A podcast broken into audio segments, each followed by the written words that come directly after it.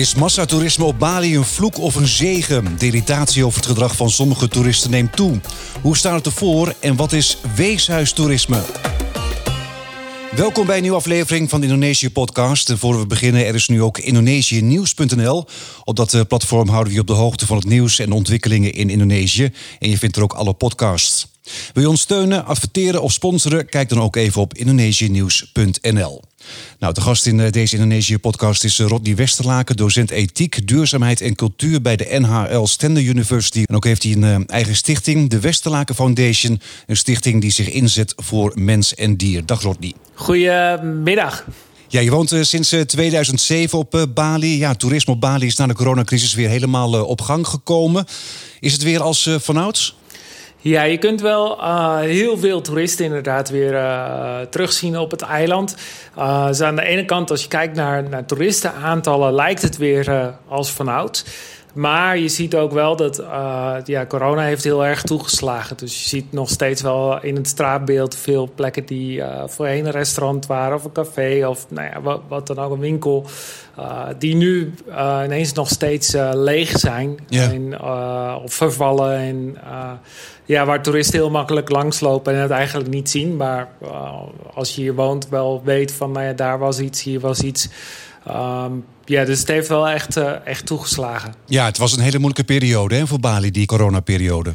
Ja, uh, op een gegeven moment in, in 2020 werden de, de grenzen voor niet-essentiële reizigers gesloten. En uh, ja, toen zag je wel meteen uh, natuurlijk uh, geen toeristen meer. en, en Bali is natuurlijk heel erg afhankelijk van het toerisme. Um, en dat heeft wel heel erg toegeslagen op, op de bevolking. Want heel veel mensen raakten meteen hun baan kwijt. Veel mensen die jarenlang op, op een soort van nul-uren-contract aan het werken waren. Die van de een op de andere dag ineens niet meer hoefden te komen op het werk. Maar ook geen sociaal vangnet. Um, dus ja, dat, dat, dat heeft enorm toegeslagen. Ja, jullie hebben toch ook met de Westerlaken Foundation ook geholpen, hè? Ja, we, wij hebben ongeveer 300.000 maaltijden in die tijd uh, weggegeven aan, uh, aan, mensen die het nodig hadden in verschillende gebieden op Bali. Uh, ja, en daarnaast bijvoorbeeld ook waterfilters, uh, zelfs solar uh, panels voor mensen die elektriciteit nodig hadden. Bijvoorbeeld voor kinderen die uh, online school moesten volgen. Uh, maar geen stroom meer konden betalen. Zodat er met een, met een batterij, met een klein solarpanel... bijvoorbeeld een telefoon kon worden opgeladen. Uh, nou ja, voedsel, uh, dat soort dingen. En nu inderdaad, de, toeristen zijn weer terug. Maar ja, de meesten gaan nu naar. En dat is helemaal hip en happening. Maar andere gebieden die komen nog niet helemaal op gang? Ja, je ziet het wel uh, langzaam uh, aantrekken. Django is uh, gedurende de COVID-periode ook nou ja, gewoon een hotspot gebleven. Kwamen natuurlijk nog wel bijvoorbeeld digital nomads naar het eiland. Toeristen die voor een langere tijd kwamen, die van tevoren een, een visum aan, aanvroegen. Uh, en, en, een aantal maanden hier bleven. Die trokken ook voornamelijk in die tijd naar Canggu toe. Dus uh, Canggu was ook echt wel een COVID-hotspot. Ja. Uh, waar wij als, als, als mensen die lange tijd op het eiland al woonden... ook wel vandaan bleven. Waarom? ja, de, de, de, kans dat je daar COVID kreeg toch wel erg hoog was. clubs die gewoon doorgingen via de achterdeur. Nee, nog steeds heel veel mensen bij elkaar. Terwijl op het eiland zelf uh, de, de COVID-besmettingen de pan uitreisden. Ja, dat, dat, was in die tijd niet heel slim om dan uh, naar plekken te gaan waar het druk was. Nee. Je ziet nu dat, dat andere gebieden wel weer langzaam ook beginnen op te krabbelen. En uh, te beginnen met Seminyak, daar is het gewoon weer druk. Maar daar heb je dus nog steeds wel die lege plekken. Uh, Kuta begint nu weer een beetje aan te trekken, maar voornamelijk met domestic tourists. Maar ja, over het hele eiland merk je het nog steeds wel. Ja, maar ja, de afgelopen tijd dan eh, veel eh, berichten over eh, toeristen die zich misdragen. Er zijn ook veel Russen naar Bali gekomen hè, vanwege de oorlog in Oekraïne. Maar ja, sommigen zouden werken op een toeristenvisum. Er zijn ook ergernissen over toeristen die half naakt zonder helm op een motor zitten. Of ja, zich, zich naakt laten fotograferen op Mount Agung. de ergernissen nemen toe. Klopt. Um, ik denk dat het komt omdat we uh, nou ja, 2,5 jaar geen toeristen hebben gehad. Eigenlijk het Balinese leven terugging naar het Balinese leven uh, zonder de toeristen. Dus ook dat soort excessen eigenlijk niet, niet gezien werden. Uh, de halfnaakte mensen of uh, nou ja, de twee derde naakte mensen op brommers zonder helm. de, de vele ongelukken door alcohol, drugsmisbruik, dat soort dingen. En nu is dat in volle hevigheid ook terug. En wat we ook zien is dat voornamelijk toeristen uit, uit Rusland... die inderdaad de oorlog aan het ontvluchten zijn... en hier redelijk goedkoop proberen die, die oorlog uit te zitten... veel problemen veroorzaken. Alcoholmisbruik is daar zeker een, een probleem in. Dat betekent niet dat ze allemaal slecht zijn... Nee. maar we zien wel dat daar wel ja, veel problemen zijn. Wat merk je er zelf van? Uh, nou ja, de Russen zijn voor mij niet een, een groep waar ik uh, uh, nu een kop koffie mee ga drinken voor, voor deze oorlog al. Maar je ziet het wel op straat. je, je ziet ze voorbij scheuren. Je, zonder helm, zonder, nee, nou vaak zonder t-shirt. Je ziet ze ruzie maken met, met mensen op straat. als je in een restaurant zit, schreeuwen tegen de, tegen de bediening ja, die, die, die, die waarden die Balinees, Balinezen hebben. Over hoe je met elkaar omgaat, hoe, hoe je in een restaurant manieren toont, dat soort dingen. Mm-hmm. Ja, die, dat is iets wat, wat die specifieke groep gewoon minder nastreeft of naleeft. En, en toch iets meer van uh, wie voor me werkt is mijn knecht ja, ja, ja. heeft. Ja, en dat, dat, dat heeft ook zijn uitwerking op, op, uh, op de Balinese bevolking. Of nou ja, de, in ieder geval de, de Indonesiër die op Bali woont. Maar goed, ik bedoel, de toeristen zonder shirt, eh, zonder helm op een eh, motor... dat was natuurlijk voor de coronacrisis ook al zo. Maar toch is dat een soort van reset geweest? Ik bedoel, de, de, de ergernis was er eigenlijk altijd wel... maar komt dan nu in alle hevigheid naar boven? Ja, ik, die ergernis is er altijd geweest. Uh, misschien werd het voor corona ook wel wat meer weggelachen. Zo, nou ja, heb je er weer één. Maar ik denk dat, dat die reset van COVID, waar, waar geen toeristen waren... en toen toch weer die, die toeristenstroom kwam met alle problemen en, en wangedrag... dat, dat het juist even extra... Uh, als een vergrootglas even werkte. Uh, waarin mensen weer dat gedrag zagen. En eigenlijk beseften dat ze daar wel eens gewoon genoeg van hadden. Is het een soort van haat-liefde verhouding met de toeristen? Want iedereen was ook wel weer blij dat ze weer kwamen. Ja, nou ja, dat, dat is het grote dilemma of het grote probleem natuurlijk op Bali. Uh, ongeveer 80% van de mensen die werkt uh, direct of indirect in het toerisme. Nou ja, we hebben natuurlijk ook met COVID gezien wat voor problemen dat geeft op het moment dat er geen toeristen meer komen.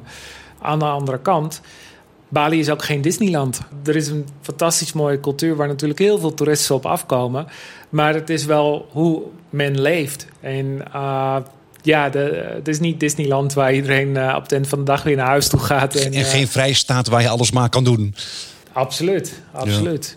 Ja. Heeft de gouverneur van Bali ook Jakarta gevraagd om de visa on arrival mogelijkheid voor Russen en Oekraïners in te trekken. Hij wil ook een verbod voor toeristen om motoren te huren en ook om zelf te rijden. Zal het helpen? Ja, als het goed wordt nageleefd wel. Ik, ik denk visa on arrival wellicht maakt dat niet zo heel veel uit. Omdat we gedurende COVID ook hebben gezien dat heel veel mensen nog steeds de weg naar, naar Bali wisten te vinden uh, om een visum eerst aan te vragen. Uh, dat heeft niet zo heel veel verschil gemaakt voor, voor die groepen, zoals uh, de Russen die de oorlog aan het ontvluchten zijn. Die komen niet voor, voor een vakantie van twee weken, maar die willen langer blijven. Ik denk dat het, uh, het niet toestaan uh, voor toeristen om op een brommer te rijden uh, een goede beslissing is. Als we kijken, landen om ons heen, Aziatische landen, zijn dat soort regels er ook. En ik weet zeker dat het verkeer daardoor een heel stuk veiliger zal worden. Maar ja, misschien ook wat drukker hè, als iedereen met een auto met chauffeur gaat rondrijden in plaats van op de motor. Ja, ja dat, dat klopt. Uh, en, en daar is de infrastructuur ook weer niet naar. Dus de, daar wordt wel veel naar gekeken, ook door, door de Balinese overheid. er zijn plannen voor een, voor een treintje uh, tussen verschillende plaatsen, uh, tolwegen, dat soort dingen. Ja, dat zijn wel dingen die in een, in een stroomversnelling dan moeten gaan komen. maar dat moest ook voor de, voordat eventueel toeristen niet meer op een brommer mogen was het ook al een groot probleem. Ja, Bali had ook gehoopt dat er andere toeristen naar Indonesië, naar Bali zouden komen, zeg maar na de coronacrisis. Meer, ja, de, de, de mensen die misschien iets meer eh, te besteden hebben, meer high-end. Dat is, eh, dat, dat is mislukt? Ja, het is heel erg moeilijk je, om uh, mensen die een vlucht boeken. Dat, dat, is natuurlijk niet te controleren door uh, de, de, Indonesische overheid. Uh, en wat voor doel die mensen komen op het eiland. Ja, dat is heel moeilijk om, om tegen te gaan. Je kunt natuurlijk met marketing heel veel bereiken. maar als iemand plannen heeft om met een backpack het eiland over te gaan, dan zal diegene dat toch gaan doen. Dus ja, er zijn natuurlijk plannen. Een paar jaar geleden was het bijvoorbeeld het, eh, het plan om, om meer balies te creëren over Indonesië heen. Om uh, te zorgen dat, dat toeristen meer verspreid werden over Indonesië. Maar toch blijft Bali een soort magische aantrekkingskracht hebben op al die toeristen. Dus die zullen blijven komen. Ja, maar, maar toch, er worden wel pogingen gedaan hè, om meer high-end eh, toeristen uh, te krijgen. Er is nu een uh, second home visum voor gepensioneerden met geld eigenlijk. de plannen voor digital nomads, mensen die natuurlijk op afstand werken en misschien ook wel westerse salarissen hebben. Zie je dat nog gebeuren? Ja, nou, de, de, second home visa, dat is er. Dat heeft ook wel veel onrust veroorzaakt onder pensioneerden. Die er al waren, hè? Die er al waren. Omdat er ineens een, een, uh, een eis was om, uh, om, een flink bedrag. Het ging ongeveer om 200.000 euro op een Indonesische bankrekening te hebben staan. Ja, dat heeft voor veel onrust gezorgd. En heeft er ook voor gezorgd dat er uh, redelijk wat gepensioneerden zijn vertrokken. Mm Dat is toen ineens toch weer teruggedraaid. Toen duidelijk werd dat er toch wel een hele groep was die tussen het wal en het schip aan het raken was. Ja, en het Digital Nomad Visa ik hoor er de laatste tijd niet veel meer over. En ik vraag me af of dat dan nog steeds uh, een plan is. De gedurende COVID waren natuurlijk heel veel digital nomads die, die waren. Nou ja, de hele wereld ging ook uh, veel meer digitaal uh, werken. Dus er waren veel meer mogelijkheden. Ik vraag me af of dat, dat nu nog steeds de wens is van de overheid om die, om die digital nomads als een toeristengroep te hebben. Ja, want als je daarop gaat richten, ook op de rijke toeristen, dan gaat natuurlijk ook het hele, hele eiland gaat, uh, veranderen. Ik bedoel, restaurants, clubs, hotels, die zullen zich allemaal op ja, mensen met geld gaan richten, waardoor misschien de gewone Balinees niet meer uit eten kan of zo. Of, of een huis kan vinden. Ja, nou ja, je ziet de laatste tijd inderdaad, een, uh, wordt gezegd dat dat komt door, door uh, ook de Russische invasie uh, op het eiland. Dat prijzen enorm de lucht in zijn geschoten. En dat een huis waar voorheen per jaar 10.000 euro voor wordt gevraagd, nu voor 30, 40.000 euro in de markt staat. alleen maar door, door, die, door die influx van mensen met geld die hier terecht zijn gekomen. Maar ook niet heel makkelijk weer terug naar huis toe kunnen. Je bent uh, na een studie in Leiden op uh, de universiteit in Bali gepromoveerd op weeshuistoerisme. Hoe kom je daarbij? Um, dat kwam omdat ik in uh, 2006, 2007 uh, zelf in een weeshuis als vrijwilliger aan de gang ben geweest. En uh, binnen, binnen een paar weken zag ik wat daar eigenlijk gebeurde. Ehm, eigenlijk heel erg corrupt. kinderen, een aantal kinderen die niet naar school toe mochten, omdat ze, er altijd mensen in het weeshuis beschikbaar moesten zijn. Ze moesten er zijn voor de toeristen. Ja, klopt. Uh, zodat er altijd een, een, aantal kinderen waren die uh, nou ja, eigenlijk zielig konden zijn. Zoals uh, aapjes in de, in de dierentuin. Zodat een toerist zijn, portemonnee opende en nou ja, de geld achterliet. heel veel kinderen die niet één of twee sponsoren hadden die voor hetzelfde betalen, maar vier of vijf sponsoren die allemaal dezelfde rekening aan het betalen waren. Ja. Uh, taxichauffeurs die uh, een bonus kregen als ze toeristen brachten bij dat weeshuis. En op dat moment was dat ook het, nou ja, websites, dat, dat was er nog niet zo heel erg veel. Facebook bestond nog niet. En, maar dit weeshuis had al een website. dus marketing, met marketing waren ze gewoon heel erg slim bezig. Het was een businessmodel eigenlijk, die kinderen. Absoluut. Uh, echt een businessmodel. En over die rug van die kinderen werd, uh, werd de dame in kwestie werd rijk. Of was rijk. Uh, nee, na een aantal weken had ik dat door wat daar gaande was. Ben ik zelf met een, met een programma voor arme kinderen begonnen. dat is een stichting geworden. En uiteindelijk we, we focusten, daar, uh, focussen ons op uh, arme kinderen. En dan kom je toch elke keer weer ook bij weeshuizen uit. En elke keer kregen we daar toch weer hetzelfde uh, verhaal. Waar, dat die kinderen bijna allemaal gewoon nog ouders hadden. Ze waren helemaal geen wees? Geen weeskinderen. En dat, dat die kinderen nou ja, ook in de vakanties teruggingen naar hun ouders. En nou ja, daar alleen maar waren voor school. En, en dat er ook in die weeshuis afschuwelijke dingen, zoals misbruik, gebeurde. In 2015 had ik toen de kans om, om een doctoraal studie te gaan volgen. en nou ja, toen was voor mij al heel erg snel uh, heel erg duidelijk waar ik op wilde focussen, op dit probleem. Mhm. Dus waarom wonen die kinderen in een weeshuis? wat vinden die ouders daar eigenlijk van? Zijn die ouders op de hoogte wat daar gebeurt? En wat vonden de ouders ervan? Nou ja, heel veel ouders die, die, die, die lieten struisvogelgedrag zien. Uh, staken hun hoofd uh, in het zand. Van ja, nou, dat, ik heb wel zulke verhalen gehoord... maar dat zal in dat weeshuis toch wel anders zijn. En mijn kind is niet zo. En maar uiteindelijk, uh, ik heb mijn onderzoek gefocust op Den Passer, op de hoofdstad, waar ongeveer 80 verschillende weeshuizen zijn. Uh, de helft daarvan is niet geregistreerd. Dus als er iets gebeurt, dan trekt de overheid er ook zijn handen vanaf. Want dat weeshuis bestaat dan officieel ook helemaal niet. Van die 40 die dan overblijven, zijn er 20 die hebben hun papieren in orde. En dus die andere twintig die hebben bijvoorbeeld alleen maar een akte van de notaris dat ze een stichting zijn. Mhm. Maar hebben bijvoorbeeld geen uh, license om daadwerkelijk een weeshuis te zijn.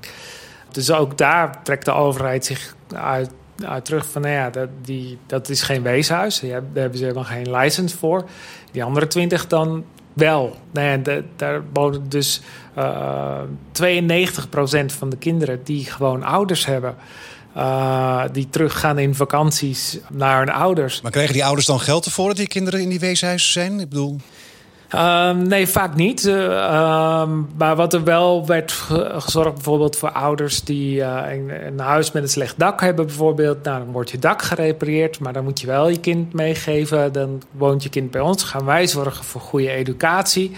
Nou, vaak zit er ook nog een religieus aspect aan vast. Een verandering van religie voor zo'n kind. Maar ook vooral het feit dat zo'n weeshuis kinderen nodig heeft... om ervoor te zorgen dat er als een als er een toerist binnenkomt, dat er ook daadwerkelijk kinderen zijn. Ja. Alleen al in eh, Den Passar eh, zijn er dus zo'n 80 uh, eh, weeshuizen. Hoe is dat op heel Bali? Ja, dat is moeilijk in te schatten, omdat er continu weer nieuwe weeshuisjes op uh, oppoppen, maar ook weer verdwijnen. En omdat er zoveel weeshuizen zijn die geen papieren hebben, uh, dus officiële nummers die, die, die kloppen totaal niet met wat, wat we vinden. En met de stichting zijn we daar dus ook mee bezig om, om weeshuizen te sluiten en kinderen terug te kunnen, kunnen brengen naar hun ouders. We schatten op dit moment in dat er tussen de 250 tot 300 weeshuizen actief zijn. En dat vinden we bijvoorbeeld ook op social media, uh, websites uh, en met, uh, met gegevens die de overheid aan ons geeft. En die, en die 300 weeshuizen zijn er eigenlijk alleen maar voor het toerisme, voor weeshuistoerisme? Ja, nou, het zijn ook echt wel initiatieven die, die met een goed idee zijn begonnen en, en kinderen willen helpen, maar ook niet daarin de wetgeving volgen. De wetgeving is heel erg duidelijk. Die zegt kinderen mogen niet uh, in een weeshuis wonen vanwege armoede of uh, naar school te kunnen gaan. Uh, maar de stichtingen die achter zo'n weeshuis zitten, moeten ervoor zorgen dat die families uit de armoede kunnen klimmen. Dus bijvoorbeeld door empowerment met een microkrediet of een klein business opzetten of iets dergelijks. Um, en moeten ervoor zorgen dat kinderen naar school toe kunnen. Zonder dat ze in een weeshuis moeten wonen. Nou, bijvoorbeeld als een dorp ver weg is van een, van een school, zelfs een weeshuis moet zorgen dat bijvoorbeeld een, een busje vanuit dat dorp naar de school toe gaat. Om die kinderen die in dat dorp wonen naar school te kunnen brengen en weer terugbrengt. En niet die kinderen in een weeshuis stoppen. Ja. En dan blijkt ook, we hebben nu uh, een hele groep kinderen van een weeshuis, uh, wat we laatst hebben gesloten, het Jotioche weeshuis in Den Passar, met 100 kinderen, waarvan maar twee kinderen dus daadwerkelijk geen ouders hadden als je dan kijkt naar de kosten, want wij hebben uh, met alle families zijn we bezig met empowerment of zorgen voor die educatie. Als je kijkt naar de kosten van het weeshuis en de kosten nu, dan zie je ook dat die kosten nu maar 30% zijn van de kosten die het weeshuis eerst had. Om het weeshuis te onderhouden en het voedsel en nou ja, alle kosten die daarmee mee komen. Maar goed, ik bedoel, er is dus inderdaad in Indonesië wel goede wetgeving, maar er is eigenlijk helemaal geen controle op. Ja, de, de wetgeving komt uit Jakarta. Uh, dat is een wet uh, of een, een, national standard. Die is in 2011 gemaakt en die is bekrachtigd uh, met wetgeving in 2012. En nou die, die wordt gestuurd naar de provinciale en regionale sociale diensten. Die moeten dat uitvoeren. maar we zien dus dat dat, die uitvoering nog heel erg schort. Bijvoorbeeld, uh, er is een systeem waarin als een kind, uh, als daar iets is en dat kind kan niet meer bij ouders wonen, omdat ouders zijn overleden of nou er is iets anders aan de hand, dat zo'n kind in eerste instantie naar de, naar de bigger family gaat. Dus naar een oom, een tante of opa, oma en binnen de familie wordt opgevangen. Als dat niet kan, naar een foster family. Als dat niet kan, naar een adoptiefamilie. Als dat niet kan, dan pas komt een weeshuis uh, in beeld. En dat is voor een maximum tijd van 18 maanden. En binnen die 18 maanden moet je weer terug naar nummer 1, de grotere familie, of nummer 2, uh, foster family enzovoort. Maar die, die, die wetgeving die is dus in 2012 bekrachtigd. Maar tot nu toe is er op Bali geen foster family uh, netwerk mm. waar kinderen naartoe kunnen. Dus het betekent dat, dat de, de sociale diensten daarin ook al nu elf jaar achterlopen om dat netwerk neer te zetten. En dat, die netwerken zijn er alleen in Jakarta en in Bandung. Maar goed, inderdaad, de meeste kinderen hebben ook uh, ouders. Dus je zou er in principe gewoon uh, terug uh, kunnen. Jullie proberen ook die weeshuizen te sluiten. Hoe gaat zo'n sluiting? Want ik neem aan dat ze er ook niet blij mee zijn als zo'n weeshuis moet sluiten. Ja, we, zien uh, daarin twee uh, verschillende stromingen. Uh, we hebben weeshuizen die ons actief benaderen en vragen van, nou, hoe, kunnen we dit aanpakken. We zien dat dit niet meer van deze tijd is om, om deze manier kinderen op te vangen en we willen daarin verbeteren. we zijn op dit, dit moment bijvoorbeeld bezig met het leger des heils daarin ook te adviseren. En aan de andere kant zien we ook dat uh, nou ja, mensen uh, die een weeshuis hebben, die dus daadwerkelijk echt dat beeld hebben om geld ermee te verdienen. En waar geld uh, de eerste objectief is om, om dat weeshuis te runnen. Ja, die zijn absoluut niet blij met ons. We, nee. we hebben wel een Stop Orphanages campaign en, en dat soort dingen. Dus we proberen ook aan toeristen duidelijk te kunnen maken van je, je breekt die ketting van, van armoede niet door naar zo'n weeshuis te gaan en te doneren.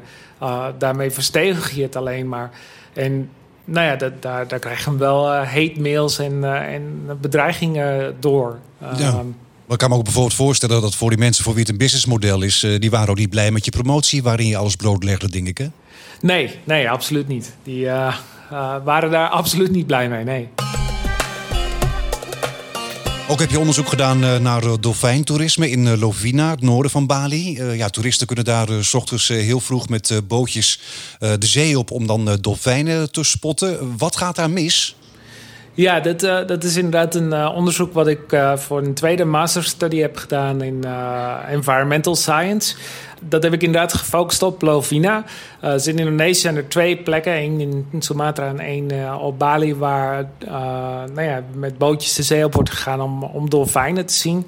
En in Lovina is dat in de tachtige jaren is het al, al begonnen. Wat we daar zien is dat uh, nou ja, dolfijnen, zijn ongeveer, het is een populatie van ongeveer 100 dolfijnen, enorm worden opgejaagd door, uh, door bootjes uh, met toeristen daarin. Om maar zo dicht mogelijk bij die dolfijnen te komen. Want als er een dolfijn gezien wordt, dan gaan al die bootjes die dan op die zee, die gaan dan allemaal naar die dolfijnen toe. Klopt, klopt. En uh, nou ja, natuurlijk voor die dolfijnenpopulatie is dat uh, heel erg slecht. Het is ook een kwetsbaar uh, gebied.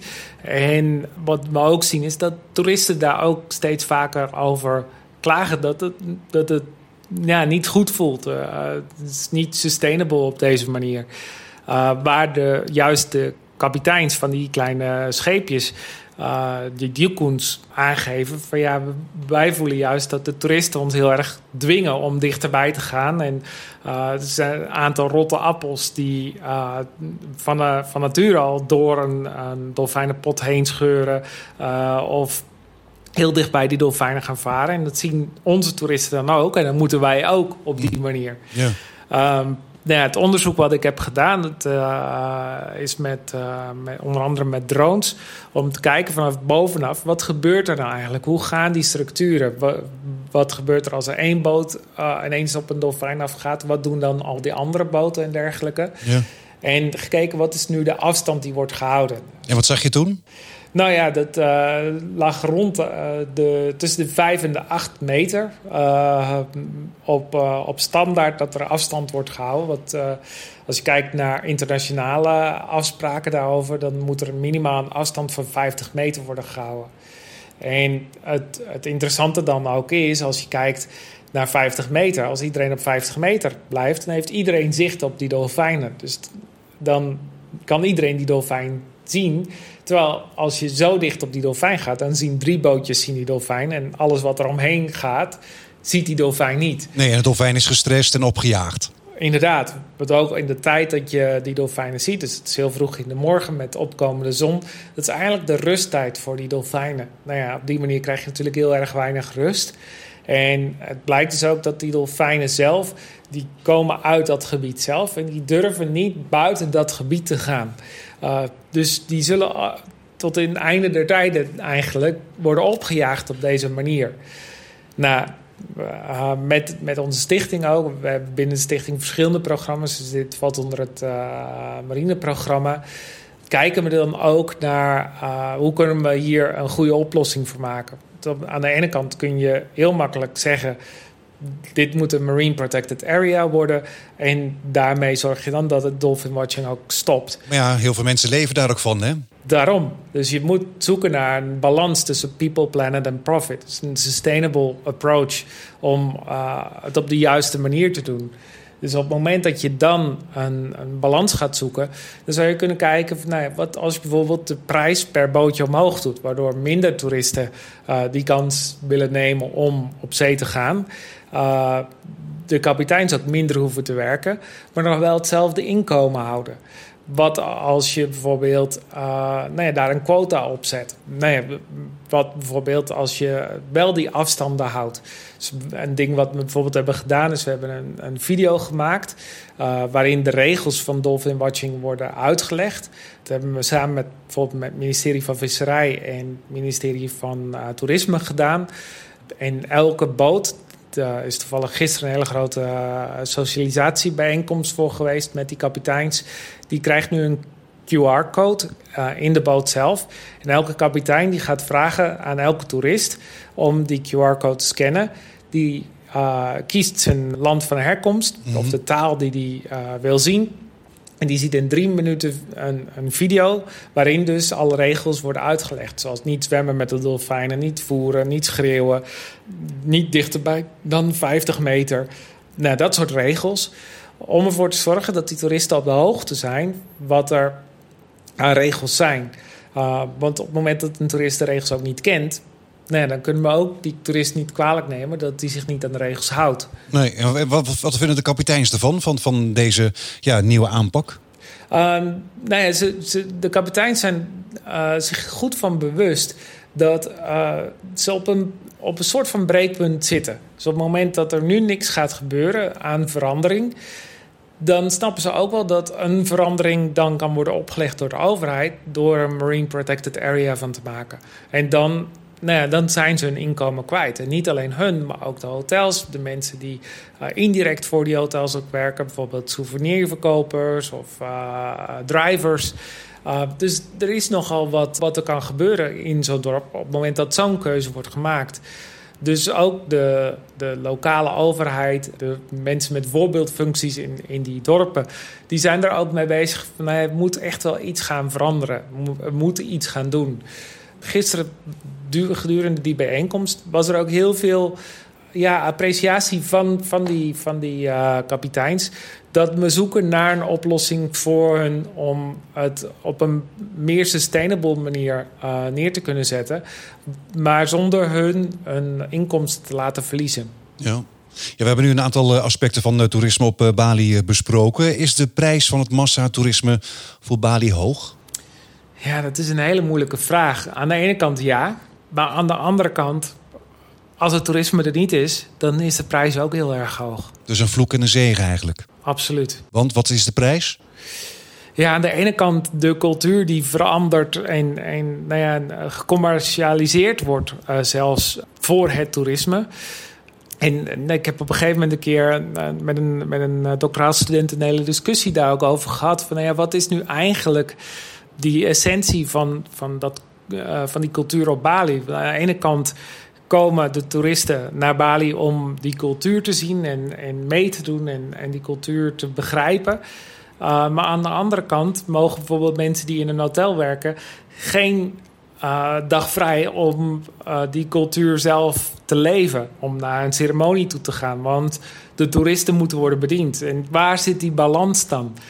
Um, dat is een hele moeilijke kwestie. Tot hoe, welke hoogte mag cultuur worden uitgebreid voor het toerisme. En tot op welke hoogte mag, die, mag dat toerisme invloed hebben op die cultuur? Maar is het alleen maar cultuur? Nou, Bali staat natuurlijk echt wel bekend als uh, nou ja, het magische eiland, waar die cultuur zo bijzonder is. Je ziet dat ook wel veranderen. Het wordt, uh, wat er gaat zeker in het zuiden wel iets meer als een uh, Ibiza bijvoorbeeld. waar de strandclubs en de, en de danceclubs steeds belangrijker worden. Maar goed, eh, maar aan de andere kant levert het ook veel geld op, maar dus ook veel problemen. Klopt. Dankjewel, Rodney Westerlaken, docent ethiek, duurzaamheid en cultuur bij de NHL Stender University. En ook heeft hij zijn eigen stichting, de Westerlaken Foundation, een stichting die zich inzet voor mens en dier. Dankjewel, Rodney. Geen dank. Tot zover de Indonesië podcast. Vergeet ook niet om indonesianieuws.nl te bezoeken. Tot de volgende.